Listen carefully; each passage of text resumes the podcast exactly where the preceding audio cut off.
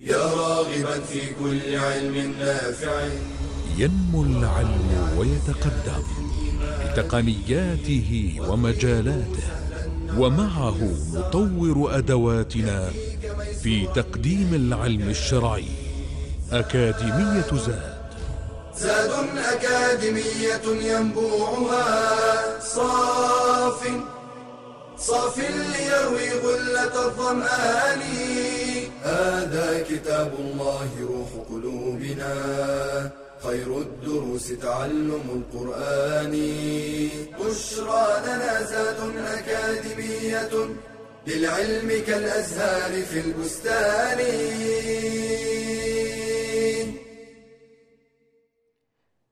إن الحمد لله نحمده ونستعينه ونعوذ بالله من شرور أنفسنا ومن سيئات أعمالنا.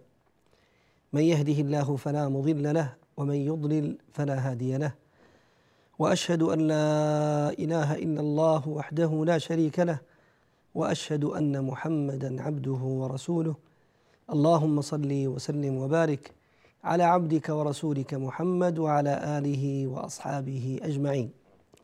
يا أيها الذين آمنوا اتقوا الله حق تقاته ولا تموتن إلا وأنتم مسلمون. يا أيها الناس اتقوا ربكم الذي خلقكم من نفس واحدة وخلق منها زوجها وبث منهما رجالا كثيرا ونساء. واتقوا الله الذي تساءلون به والأرحام. إن الله كان عليكم رقيبا. يا أيها الذين آمنوا اتقوا الله وقولوا قولا سديدا. يصلح لكم أعمالكم ويغفر لكم ذنوبكم. ومن يطع الله ورسوله فقد فاز فوزا عظيما. سبحانك لا علم لنا إلا ما علمتنا إنك أنت العليم الحكيم. اللهم علمنا ما ينفعنا وانفعنا بما علمتنا وزدنا علما ما شاء الله كان. ونعوذ بالله من حال أهل النار. اللهم لا سهل إلا ما جعلته سهلا وأنت تجعل الحزن إذا شئت سهلا اللهم ارزقنا الإخلاص والتوفيق والقبول والعون. إنك ولي ذلك والقادر عليه. ثم أما بعد أيها المشاهدون الكرام أهلا وسهلا ومرحبا بكم في لقائنا المتجدد معكم الذي نعيش وإياكم فيه مع القرآن الكريم من خلال مادة التفسير في هذه الأكاديمية المباركة. هذا اللقاء أيها الأحبة الكرام نحن على موعد مع سورة جديدة من سور قصار المفصل. في الجزء الثلاثين. هذه السورة هي سورة الزلزلة. تسمى بسورة الزلزلة وتسمى بسورة الزلزال وتسمى بصورة إذا زلزلت. كلها مسميات لهذه السورة المباركة التي سنعيش معها بإذن الله. هذه السورة من السور على الصحيح المكية. وإن وهو قول ابن عباس وعطاء ومجاهد خلافا لقول قتادة ومجموعة من أهل التفسير وأئمة أهل العلم لكن الصحيح أنها مكية. بل إن بعض أهل التفسير كابن كثير لم يذكر عند ذكره لحال هذه السورة وبيان وصفها إلا أنها مكية مباشرة دون ذكر الخلاف في كونها مدنية أو لا. والمتأمل في هذه السورة المباركة يرى بجلاء أن ملامح وخصائص هذه السورة تدل على كونها مكية لماذا؟ لأن من خصائص السور المكية التركيز على باب العقيدة ومن الكلام في باب المعتقد الكلام عن اليوم الآخر وأهواله وما يكون فيه وحال الناس في ذلك اليوم العظيم. وكذلك هي سورة الزلزلة التي نحن بصدد الحديث عنها. فالقارئ لهذه السورة أو المستمع يستطيع أن يستشف مباشرة أنها من السور المكية. هذه السورة المباركة تتحدث في جملتها عن موضوع واحد كما قلنا ففيها وحدة موضوعية تتعلق بالحديث عن اليوم الآخر. وما سيكون فيه من أهوال.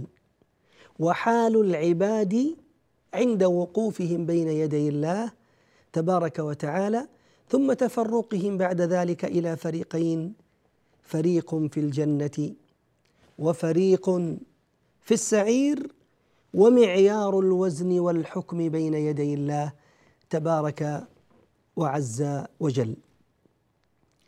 هذه السورة ثمان آيات وأما كلماتها فخمس وثلاثون كلمة وأما حروفها فمائه وتسع وأربعون حرفا. ابتدأ الحق تبارك وعز وجل هذه السورة المباركة بقوله إذا زلزلت الأرض زلزالها تأمل أيها المبارك وأنت أيتها المباركة. الله عز وجل الآن ينتقل بالقارئ أو المستمع إلى مشهد في ظرف زماني سيكون في يوم من الأيام. ذاك الزمان الذي سيكون حتما قطعا إذا زلزلت الأرض زلزالها. الأرض التي نعيش عليها الآن هذه الأرض سيحصل في يوم من الأيام متى ما شاء الله تبارك وعز وجل قيام الساعة على الصحيح أنها تزلزل. والزلزلة المراد بها الحركة السريعة المضطربة. الحركة السريعة المضطربة. فتبدأ هذه الأرض بحركة سريعة فيها اضطراب يعني غير هذه الحركة حركة غير ثابتة وإنما حركة مضطربة متموجة. كما نشاهده الآن أسأل الله أن يحمينا وإياكم من كل سوء في الزلازل التي تكون على سطح الأرض في بعض البلاد.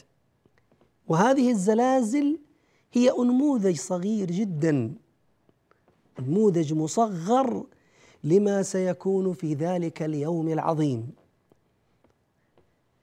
وزلزل هذه المادة جاءت في القرآن صريحة بهذا اللفظ زلزل كما في هذه السورة المباركة وكما في قوله تبارك وعز وجل يا أيها الناس اتقوا ربكم إن زلزلة الساعة شيء عظيم يوم ترونها.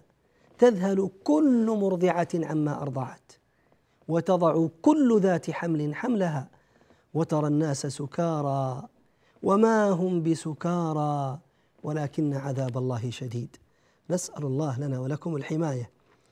وجاءت هذه الزلزلة أحيانا بألفاظ أخرى يعرف منها أن المراد بها هذه الحركة وهذا الاضطراب. الذي سيكون في ذلك اليوم العظيم كما قال عز وجل إذا رجت الأرض رجا. إذا رجت الأرض رجا. هذا الرج هو هذه الزلزلة التي ستكون. ولك أن تتخيل يا عبد الله الآن لا قدر الله إذا حصل في بلاد زلزال بمقياس سبعة على مقياس ريختر كما يقال المقياس العالمي للزلازل. يكون هذا الزلزال زلزال مدمر. كم ستسقط من بنايات وكم ستموت من أنفس وأرواح. كم من الخراب سيعم في تلك البلاد. فما بالك بذلك الزلزال العظيم الذي سيكون في ذلك اليوم العظيم؟ فيقول الله إذا زلزلت الأرض زلزالها وللحديث بقية إن شاء الله بعد الفاصل. بشرى لنا زاد أكاديمية للعلم كالأزهار في البستان.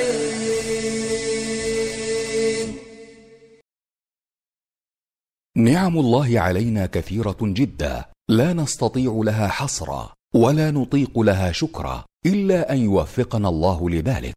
قال تعالى وان تعدوا نعمه الله لا تحصوها إن الإنسان لظلوم كفار وان من النعم ما هو معتاد متكرر ومنه ما هو متجدد فاذا تجددت للعبد نعمه أو اندفعت عنه نقمه فيستحب له ان يسجد لله شكرا فقد كان النبي صلى الله عليه وسلم إذا جاءه أمر سرور أو بشر به خر ساجدا شاكرا لله. وسجد أبو بكر لما أتاه فتح اليمامة. وسجد علي بن أبي طالب عندما انتصر على الخوارج. وسجد كعب بن مالك لما جاءته البشرى بتوبة الله عليه. وليس له حكم الصلاة فلا يشترط له طهارة ولا غيرها من شروط الصلاة. بل يسجد ويقوم بلا تكبير ولا تشهد ولا تسليم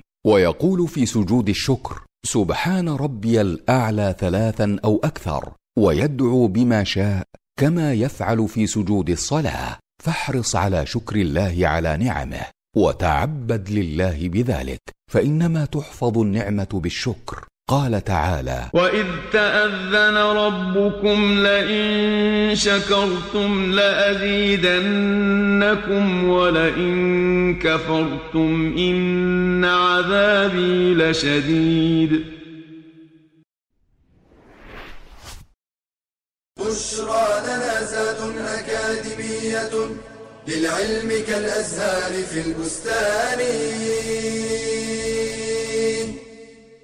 الحمد لله رب العالمين. عدنا إليكم أيها الأحبة مرة أخرى بعد هذا الفاصل الذي كنا قد شرعنا قبله في الحديث عن سورة الزلزلة فعشنا مع مقدمة عن هذه السورة المباركة ومع الآية الأولى من هذه السورة إذ قال تبارك وتعالى إذا زلزلت الأرض زلزالها أي إذا تحركت الأرض تلك الحركة السريعة واضطربت زلزالها أي حركتها التي ستكون في ذلك اليوم العظيم. قال تعالى وأخرجت الأرض أثقالها. نتيجة هذا الزلزال العظيم الذي سيكون يقدر الله تبارك وتعالى معه أو بعده أن تخرج الأرض أثقالها. أثقالها جمع ثقل. والثقل هو الحمل الثقيل. الحمل الثقيل. ومنه يسمى الثقلين الجن والإنس. وذلك لأنهم يثقلون الأرض بوجودهم عليها. الأرض في ذلك اليوم العظيم ستخرج أثقالها. ما المراد بهذه الأثقال؟ إنهم من كانوا فيها من الأموات ومن كان وما كان فيها من الكنوز. من كان فيها من الأموات وما كان فيها من الكنوز. يخرج الحق تبارك وتعالى كل ذلك منها. وقد ثبت عنه عليه الصلاة والسلام. أنه في ذلك اليوم العظيم تخرج الأرض ما فيها من كنوز من ذهب وفضة كالاسطوانات من عظمها وضخامتها. فيرى الناس ذلك فيقولون هذا ما كنا نتقاتل من أجله ونقطع أرحامنا من أجله ثم يذرونه فيتركونه ولا ينظرون إليه لأن ذلك اليوم وما فيه من شدائد وأهوال غني بالمرء أن يلتفت عن تلك عن تلك الأمور أو ينظر إليها. فإن له وعنده من العمل والأمر المهول ما يشغله عن مثل تلك الكنوز التي خرجت من باطن الأرض وأخرجت الأرض أثقالها فيخرج كل ما في بطنها ليصبح ظاهرا على ظهرها فيزهد الناس فيه. وأخرجت الأرض أثقالها. قال الله وقال الإنسان ما لها. يقول الإنسان في تلك اللحظات متعجبا لهذا المنظر العظيم وهذا المشهد المهول الذي يراه حال زلزلتها واضطرابها وحركتها وحال إخراج ما في باطنها. من تلك الأثقال العظيمة ما لها؟ يتساءل ما الذي أصاب هذه الأرض الثابتة الساكنة التي خلقها الله تبارك وتعالى معاشا واستقرارا لحياة الناس؟ ما الذي حل بها؟ ما الذي كان؟ وقال الإنسان الألف واللام في الإنسان قيل هي للجنس أي لجنس الإنسان والمراد به المؤمن والكافر. وقيل هي للكافر دون المؤمن. وعلى هذا وقع خلاف أهل العلم في وقت هذه الزلزلة. فمن قال أن الألف واللام هنا للجنس والمراد بها المؤمن والكافر قال هذه الزلزلة أشراط من أشراط الساعة وعلامة من علاماتها تتقدم قيام الساعة. فإذا وقعت تلك الزلزلة قال الإنسان المؤمن والكافر ما لها؟ ما الذي أصابها؟ ماذا حدث؟ ومن قال أن المراد بالإنسان هنا الكافر وليس المؤمن قال إنما يكون ذلك بين يدي الساعة عند قيام الساعة. فإذا نفخ في الصور وقامت الساعة وبدأت تلك الأهوال العظيمة التي يعلم المؤمن أن ذاك كله من أمر الله الذي أمر بقيام الساعة فلا يقول ما لها بل إن القائل لما لها هو ذاك الكافر. المتعجب لأن الكافر أصلا لا يؤمن بيوم القيامة. فإنكاره ليوم القيامة جعله متعجبا متعجبا من حال هذه الحركة السريعة والاضطراب وإخراج الأرض لأمواتها وكنوزها. والقول بأن هذه الزلزلة هي مصاحبة ليوم القيامة وأنها هول من أهوالها هذا الأقرب والله أعلم. وذاك إذا ربطنا هذه الآية مع آية الحج التي قال الله عز وجل فيها يا أيها الناس اتقوا ربكم إن زلزلة الساعة شيء عظيم يوم ترونها تذهل كل مرضعة عما أرضعت وتضع كل ذات حمل حملها وترى الناس سكارى وما هم بسكارى ولكن عذاب الله شديد. فهذه الآية من سورة الحج تبين بجلاء وبوضوح أن هذه الزلزلة ستكون عند قيام الساعة وأن هذا المتحدث وهذا المتكلم هذا المتعجب من زلزلة الأرض وإخراجها لأثقالها هو ذلك الكافر حمانا الله وإياكم من الكفر وأهله. يومئذ عند تعجب هذا المتعجب وسؤاله هذا السؤال يومئذ تحدث أخبارها. تحدث أخبارها. من هي؟ الأرض. الأرض. فإن الأرض في ذلك اليوم ستتحدث على الصحيح بلسان يسمعه ويعقله الناس جميعا. فسيكون هناك حديث بلسان المقال لا على سبيل التمثيل كما قال بعض أهل العلم وإنما هو نطق حقيقي. والله تبارك وعز وجل في ذلك اليوم يجعل ما لم يكن ناطقا ناطق إذا شاء فالأمر أمره. يحكم ولا يحكم تبارك وعز وجل إنما أمره إذا أراد شيئا أن يقول له كن فيكون. فالأرض تنطق في ذلك اليوم. ما هو نطقها يا رسول الله؟ قال تحدث بكل ما كان على ظهرها. لا إله إلا الله. اللهم استرنا بسترك. اللهم عافنا بمعافاتك. تحدث الأرض بكل ما كان على ظهرها من خير؟ وشر. فمن عمل على ظهرها خيرا حدثت الأرض في ذلك اليوم بما كان على ظهرها من خير.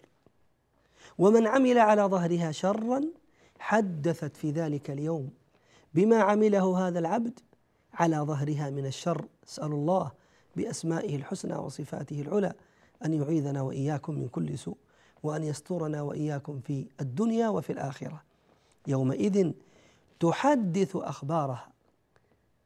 ومن ضمن ما يكون ومن ضمن ما تقول بأن ربك أوحى لها. وقال بعض أهل العلم إنما كان هذا التحديث بإيحاء الله لها. هذا التحديث الذي كان من الأرض والإخبار بما كان من العباد على ظهرها إنما كان بإيحاء الله لها. فلما أوحى الله تبارك وتعالى لها أن تكلمي تكلمت. كما أن الله عز وجل يجعل هذا النطق في بعض الجمادات كذلك في يوم القيامة ويسمعه العباد. ومن ذلك ما ثبت في الحجر الأسود. فإن الحجر الأسود يأتي يوم القيامة فيجعل الله له تبارك وتعالى عينان فلسان ويرى وينطق فيشهد لكل من قبله أو استلمه في الدنيا. يشهد بذلك للناس أجمعين كما تنطق جوارح العبد. جوارح العبد يده ورجله وفرجه وغير ذلك بعد أن يختم الله عز وجل على أفواه من شاء من عباده فتنطق جوارحهم.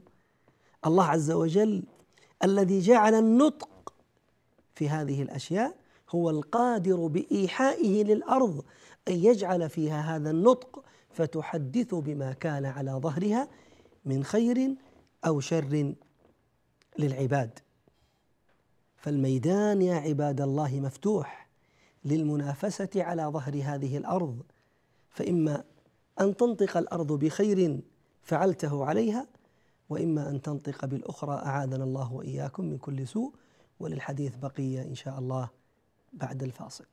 بشرى لنا زاد أكاديمية للعلم كالأزهار في البستان.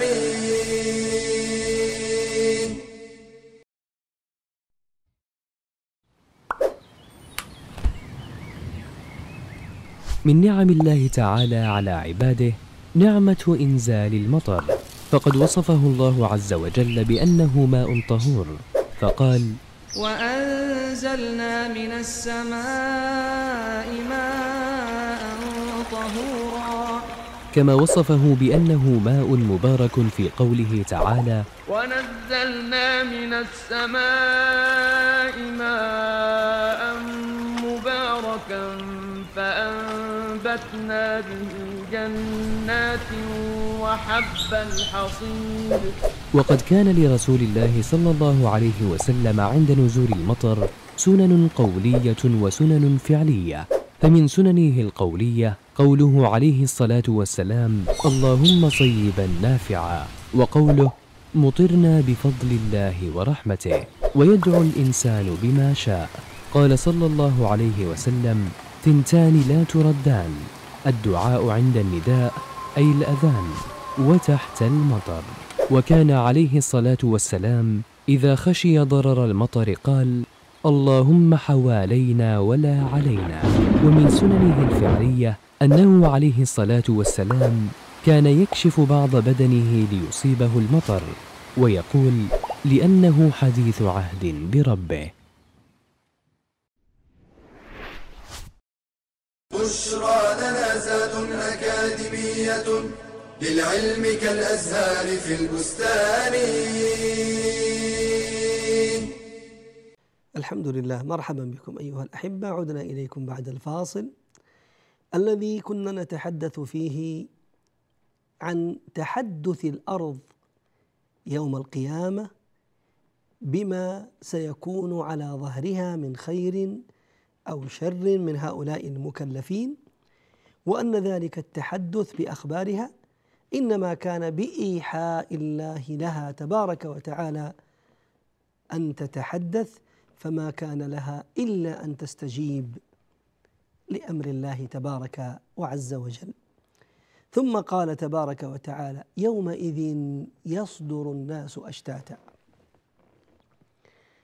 اسمع يا ولي الله تأملوا أيها المباركون يومئذ في ذلك اليوم العظيم يصدر يرجع الصدور هو الرجوع كما يقال لمن أراد أن يستقي ذهابه إلى إلى إلى إلى إلى الشراب سواء كان إنسانا أو بهيمة يقال لذهابه ورود ولرجوعه بعد شربه وسقائه صدور ورد وصدر. الله عز وجل يقول هنا يومئذ في ذلك اليوم العظيم يصدر الناس يعني يرجع الناس من موقفهم بعد الحساب عندما يحاسب عباد الله عز وجل ويعطى كل عبد صحيفة عمله إن خيرا فخير وإن شرا فشر يومئذ يصدر يرجع الناس أشتاتا. جمع شتيت أي متفرقين؟ ليسوا سواء. فريق في الجنة وفريق في السعير. آخذ كتابه بيمينه وآخذ كتابه بشماله. مبيضة وجوههم مسودة وجوههم سعداء وأشقياء. فأما الذين سعدوا ففي الجنة خالدين فيها. ما دامت السماوات والأرض إلا ما شاء ربك. عطاء عطاء غير مجذوذ. وأما الذين شقوا ففي النار خالدين فيها إلا ما شاء ربك. انتبه يا عبد الله. بعد أن يصدر الناس من موقف الحساب أصبح الأمر بينا واضحا. فتفرق العباد وامتازوا وأصبح كل واحد يعرف مصيره ومكانه الذي صدر من الحساب إليه. فهو الآن يقاد ويساق إما إلى جنة وإما إلى نار. نسأل الله أن يجعلنا وإياكم من أهل الجنة وأن يعيذنا وإياكم من النار. يومئذ يصدر الناس يرجع الناس أشتاتا متفرقين. يومئذ يصدر الناس أشتاتا. لما يا رب؟ قال ليروا أعمالهم. ثواب أعمالهم التي عملوها. بعد أن انتهى الحساب يرجعون ليرى كل واحد منهم ثواب عمله الذي عمله في هذه الحياة من خير أو شر. فمن يعمل مثقال ذرة خيرا يره. ومن يعمل مثقال ذرة شرا يره. اسمعوا يا عباد الله في ذلك اليوم العظيم لا يغيب عن الله عز وجل مثقال ذرة. إن الله لا يظلم الناس شيئا. وإن تك حسنة يضاعفها ويؤتي من لدنه أجرا عظيما. الله عز وجل لا يظلم مثقال الذره من خير أو شر. ما المراد بالذرة؟ قيل هي صغار النمل. شفت صغار النمل هذه التي تمشي؟ كم هو وزنها؟ كم هي أو كم هو حجمها في الميزان؟ كم تسوى؟ في ذلك الميزان إن عملت من خير بقدر ذلك الوزن ستنال عليه الثواب. وإن كانت الأخرى فعملت بقدر تلك النملة الصغيرة من سوء ستؤاخذ به إلا أن يرحمك الله عز وجل ويشملك بعفوه ولطفه. وقيل المراد بالذرة هذه الهباءة من الغبار التي نراها تتطاير في شعاع الشمس. انظر إلى إلى شعاع الشمس وهو داخل من النافذة ترى فيه تلك الذرات المتطايرة. الله عز وجل من عدله من كمال عدله أنه لا يعمل لا لا لا يفوت ولا ولا يترك للإنسان للمكلف من جن وإنس مثقال ذرة مثقال ذرة. وهذه الآية يا عباد الله هذه الآية هي التي قال النبي صلى الله عليه وسلم فيها هي الآية الجامعة الفاذة. فلو لم يكن من كتاب الله عز وجل لبيان كمال عدل الله عز وجل وضبطه تبارك وتعالى لأعمال الخلائق وإيفائه وإيتائه عز وجل كل عبد ما له وما عليه إلا هذه الآية والله لكفت.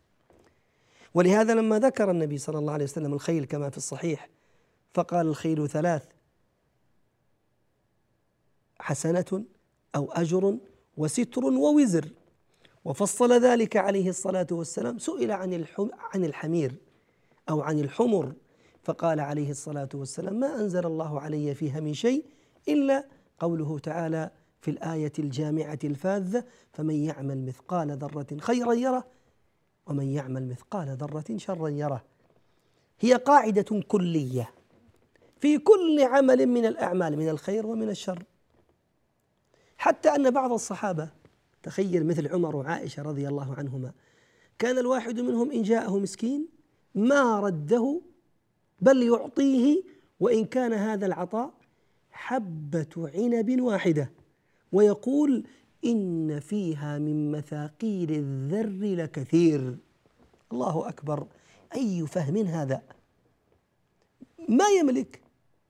فيعطي السائل إذا سأل ولو حبة عنب واحدة حبة عنب. ثم هو ينظر إلى عظمها عند الله فيقول كم فيها من مثاقيل الذر؟ كثير والله.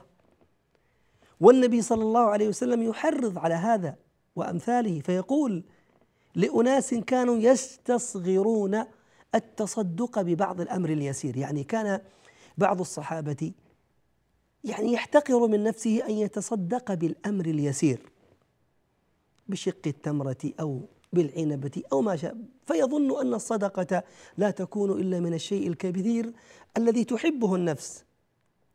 بل وكان بعضهم يعتقد أن العمل اليسير السيء الذي يكسب شيئا من السيئات اليسيرة لا يضر. فقال الله فمن يعمل مثقال ذرة خيرا يره ومن يعمل مثقال ذرة شرا يره. وأمرهم عليه الصلاة والسلام فقال اتقوا النار ولو بشق تمرة. اتقوا النار ولو بشق تمرة. أخي المبارك أختي المباركة لا يعلم الواحد منا ما الذي يثقل ميزانه في يوم القيامة. والله ما تدري.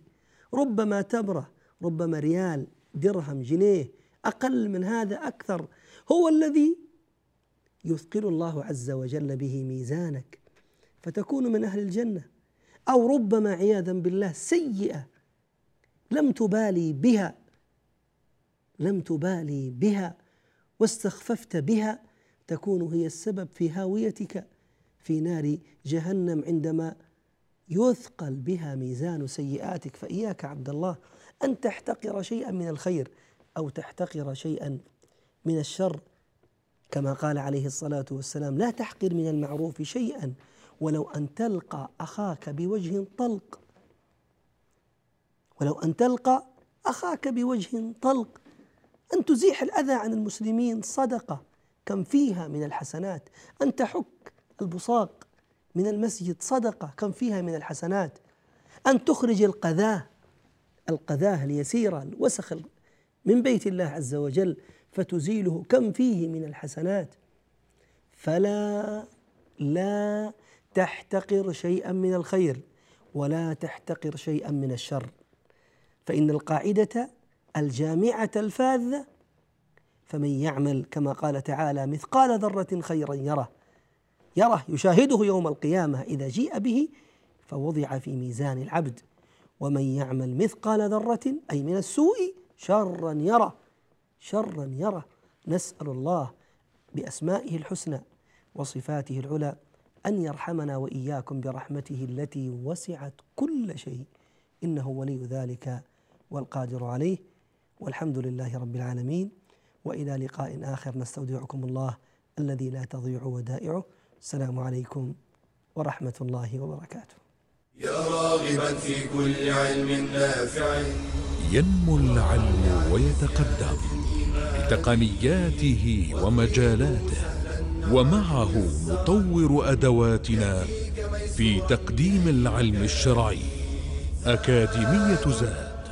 زاد أكاديمية ينبوعها صاف صاف ليروي غلة الظمآن.